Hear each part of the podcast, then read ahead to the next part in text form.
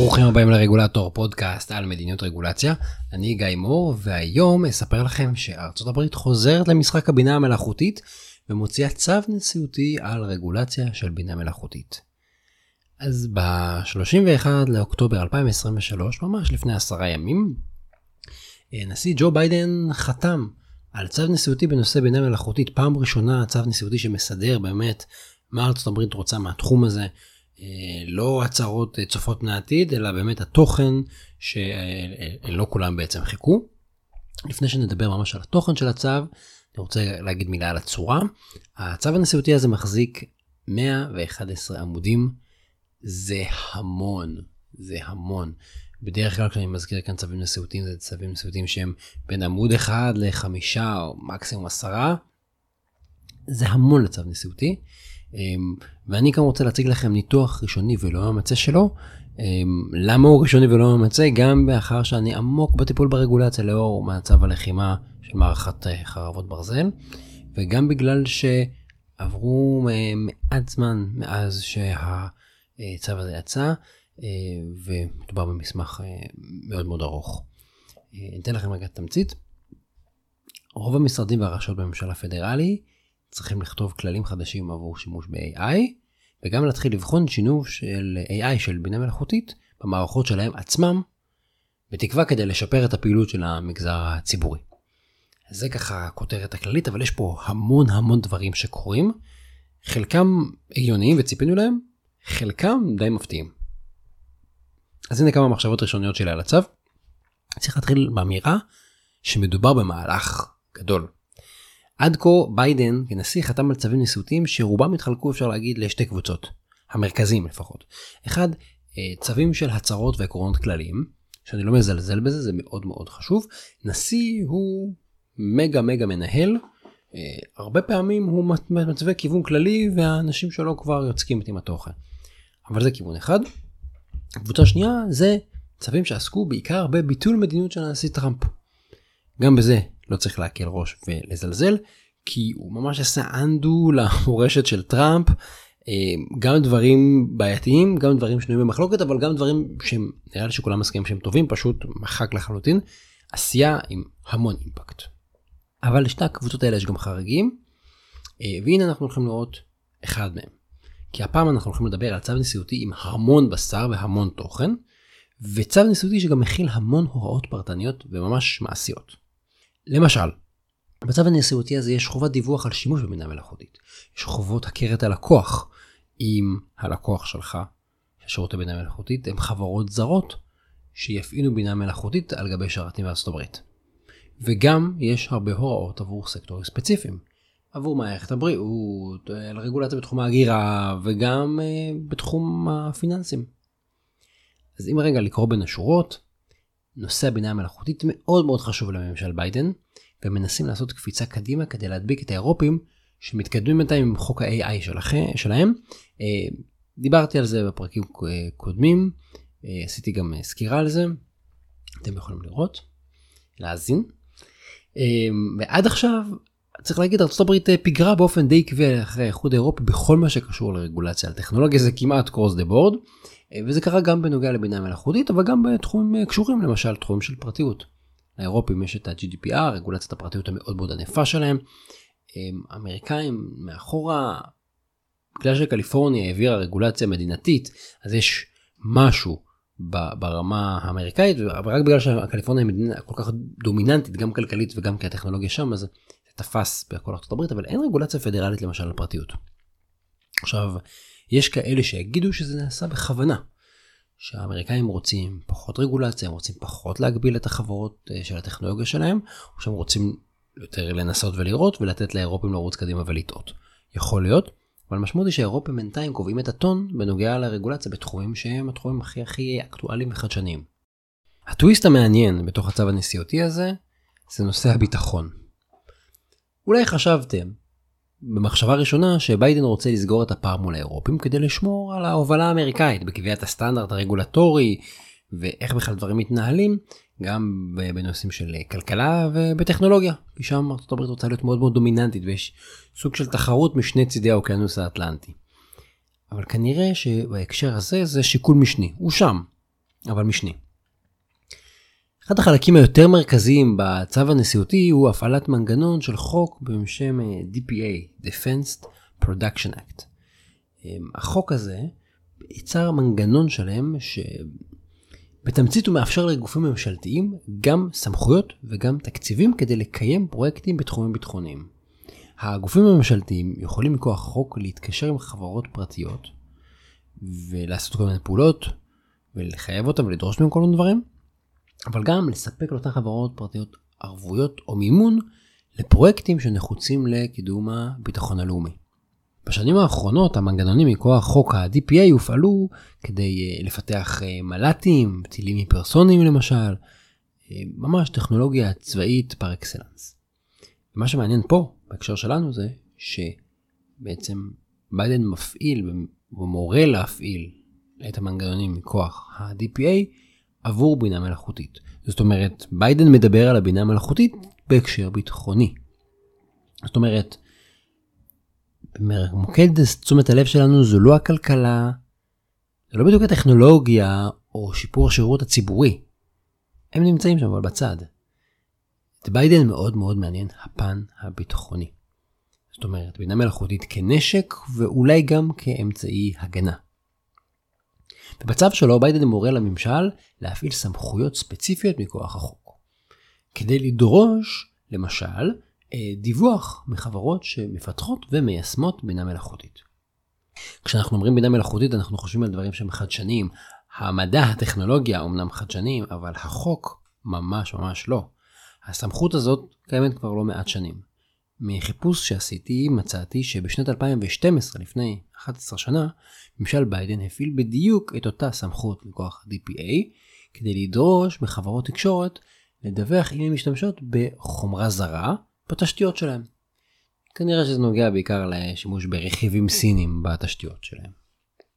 אז זה נעשה ב-2012 ואותו דבר ביידן רוצה לעשות כאן אה, עם הוראות טיפה שונות על בינה מלאכותית. בעצם ביידן מתבסס על ניסיון העבר, אבל עדיין צריך להגיד שההוראה הזאת מעוררת כל מיני שאלות. למשל, האם דרשות הדיווח יתמקדו בפיתוח של בינה מלאכותית, או דווקא בהפצה וביישום של הבינה המלאכותית? זאת אומרת, על טכנולוגיות או על שימושים. האם הם יתמקדו בשאלות של פרטיות, שימושי סייבר או שימוש מסוג אחר? זאת אומרת, מה בדיוק הם הולכים לעשות, איך זה הולך לחתך? ולמרות שהצו הנשיאותי הזה די ארוך, אני לא הצלחתי למצוא בו התייחסות קונקרטית לגבי מתכונת הביצוע של ההוראות מכוח ה-DPA, אז אנחנו נצטרך להמתין ולראות. בהקשר הזה כדאי גם להזכיר שחלק מהרגולציה שביידן מנסה להפעיל בכלל בכלל לא חדשה. הוא מפעיל, כמו שאמרנו, מנגנונים קיימים. והמנגנונים שהוא בחר מלמדים ברמה עמוקה יותר שהממשל רואה בטכנולוגיית הבינה המלאכותית משאב ביטחוני לאומי. או, או נגיד את זה רגע בצורה יותר מדויקת. ממשל ביידן, להבנתי, רואה בבינה המלאכותית גם נכס, אבל גם איום ביטחוני אסטרטגי, ולכן הוא רוצה לפקח עליו. זה לא עולמות הפרטיות, זכויות אדם, הדברים האלה שמאוד מאוד הפריעו לאירופים, זה הסתכלות ביטחונית. ואפשר להניח שמההסתכלות הזו גם תיגזר סוג הרגולציה שהאמריקאים הולכים להפעיל על הבינה המלאכותית. זאת אומרת, הכל פה הוא בניחוח ביטחוניסטי. צריך להגיד שעד היום אני כתבתי על בינה מלאכותית, לדעתי רק בהקשרים אזרחיים. דיברנו על חברות הייטק, על הגנה על הצרכנים, על אה, זיוף של וידאו ותמונות, דיברנו על אה, שמירה על תחרותיות אה, מול סין, אבל מבחינת ממשל ביידן, כנראה שהאירוע הוא בעיקרו בכלל ביטחוני, וכל השיח שלנו הוא היה במקום אחר. ואולי הדוגמה הכי בולטת מבחינת על הגישה של ממשל ביידן, זה שהצו שם דגש על בינה מלאכותית שעלולה להקל או לאפשר את הייצור והשימוש בנשק כימי, ביולוגי או גרעיני. במילים אחרות, כשממשל ביידן מדבר על הסיכונים מפני בינה מלאכותית ומה הוא רוצה לצמצם, הוא חושב קודם כל על נשק להשמדה המונית. אולי איזה מין כזה צ'אט GPT. תכתוב לי בבקשה איך בונים פצצה גרעינית. אולי מזה הם מפחדים, אני לא יודע. לא בטוח שזאת הסתכלות שגויה, אבל היא שונה מאוד ממה שנעשה עד היום ברוב המדינות, ואני חייב להגיד שונה מאוד מהזווית הסתכלות שאני הבאתי כאן כשדיברנו בפודקאסט על בינה מלאכותית, על הסיכונים, על הרגולציות. נושא אחר שאנחנו רואים שבא לידי ביטוי בצו הנשיאותי, זה השאיפה לממשל חכם יותר, הזכרתי את זה בהתחלה. החלק השני של הצו הנשיאותי מסתכל פנימה אל הממשל הפדרלי עצמו. כשטכנולוגיה חדשה פורצת, בדרך כלל האינסטינקט של ממשלות הוא לנסות להגביל אותה כדי לצמצם את השימוש בה ולצמצם את הסיכונים ממנה. אבל כאן ממשל ביידן מוסיף עוד רובד. הוא רואה בבינה מלאכותית גם משאב קריטי, לא רק ביטחוני, אלא משאב קריטי עבור המגזר הציבורי. והוא רוצה שהממשל הציבורי, הפדרלי, יאמץ כלי בינה מלאכותית. פה חייבים רגע להגיד מילה טובה על ביידן, זה לא דבר מובן מאליו. תחשבו על טכנולוגיה חדשה מהשנים האחרונות כמו רחפנים או רכבים אוטונומיים. כמה ממשלות התמקדו ממש כמאמץ באימוץ של הטכנולוגיה החדשנית על ידן. מעט מאוד, נכון? הרי במה ממשלות מתמקדות שיש טכנולוגיה חדשנית משבשת? בלייצר מגבלות על הטכנולוגיה בגלל הסיכונים ממנה, או לאמץ אותה אצלם בגלל ההזדמנויות. בדרך כלל ממשלות שמרואות טכנולוגיה חדשה ומשבשת, הן מיד הולכות לקביעת חובות, איסורים ומגבלות. ככה זה. אז כאן קורה משהו אחר. כאן ממשל ביידן אומר למשרדי הממשלה שלו בממשל הפדרלי, אני רוצה שאתם תאמצו את הטכנולוגיה החדשה ותתחילו להשתמש בה. וכדאי להזכיר שהממשל כבר השיק בעבר תוכניות שמזמינות אזרחים, אפילו אה, תושבים שאינם אזרחים אמריקאים, להצטרף ליוזמות בתחום הבינה המלאכותית כדי לקחת חלק בעשייה הציבורית שמשתמשת בהם. אז אולי המטרה של ממשל ביידן בהקשר הזה היא להתחרות עם הסינים, אבל לא התחרות של השוק הפרטי, אלא ציפייה שהמגזר הציבורי האמריקאי יהיה יותר טוב, אולי הוא יתחרה בסינים. עכשיו לצד כל מה שאמרנו עכשיו, עניינים ביטחוניים ויוזמות של לאמץ בינה מלאכותית בתוך הממשלה, יש גם רגולציה. ולצד כל היוזמות וכל הדחיפה קדימה, אנחנו צריכים גם לדבר על הרגולציה הזאת שעלולה לבלום את המהלך. כי חלק משמעותי מתוך הצו הנשיאותי זה הוראות רבות ודי מפורטות שקובעות איסורים, חובות ומגבלות על השימוש במינה מלאכותית. ביידן, למשל, מורה לממשל להוציא לפועל את ההוראות והעקרונות בצו וממש קוצב להם זמנים. למשל, יש הוראות שהוא אומר להם תיישמו אותם תוך 90 ימים. יש הוראות שהכי הרבה שהוא נותן להם אגב זה שנה. זאת אומרת יש להם בין שלושה חודשים לשנה ליישם את ההוראות ולקבוע רגולציה ממש בשטח. והסוג ההוראות שביידן אה, מבקש לקבוע והרזולוציה שהוא נכנס אליהן זה הוראות מאוד מאוד מפורטות, ממש תהליכיות, חלקן טכניות, לגבי המפרט, התכונות, המגבלות האתיות על פיתוח ויישום בינה מלאכותית. זאת רגולציה שממש עוסקת בתשומות ובתהליכי העבודה. מה, למה אני מדגיש את זה? כי רגולציה שהיא כל כך במיקרו של התהליכים ולא מדברת על התוצאה, לא מדברת על השורה התחתונה, היא בעצמה מהווה סיכון לחדשנות, לפיתוח ולהתקדמות. כי הוא לא אומר להם מה השורה התחתונה, תימנעו מסיכון כזה, או תשיגו את ההישג הנדרש הזה. הוא אומר להם איך להנדס ולעצב את המערכת. זה כבר התערבות שאפשר להתווכח אידיאולוגית אם היא נכונה או לא, פרקטית היא מאוד מאוד מגבילה, ועלולה לסכל חדשנות. אז אם הממשל יכביד על בינה מלאכותית בארצות הברית באמצעות רגולציה, ויוסיף על זה תהליכים בירוקרטיים לגבי הרכש של בינה מלאכותית ואישורים מראש, זה עלול לסכל את מטרת הצו גם בפן הביטחוני, שהוא רוצה את המשאב הזה לעצמו, וגם בפן של להאיץ וליהנות מהפירות. עודף רגולציה, או רגולציה מהסוג הלא נכון, עלולים להביא לכך שהתקדמות בבינה מלאכותית פשוט לא תתרחש בארצות הברית. עכשיו, זה, זה לא שארצות הברית המדינה היחידה בעולם, החברות האלה ימצאו לאן ללכת. אולי הם ילכו למדינה אחרת, יכול להיות שהיא תהיה ידידותית, יכול להיות שזו תהיה מדינה עוינת לארצות הברית. וכמובן שאם זה יקרה אז הממשל האמריקאי גם לא יוכל לאמץ יישומי בינה מלאכותית כדי להתייעל. כן, זה, זה הולך עם זה ביחד. אז אם ממשל ביידן רוצה שארצות הברית תהיה מובילה בתחום הבינה המלאכותית, אי אפשר רק להיזהר ולהישמר מפניה. הוא צריך להיזהר גם מהרגולציה על הבינה המלאכותית.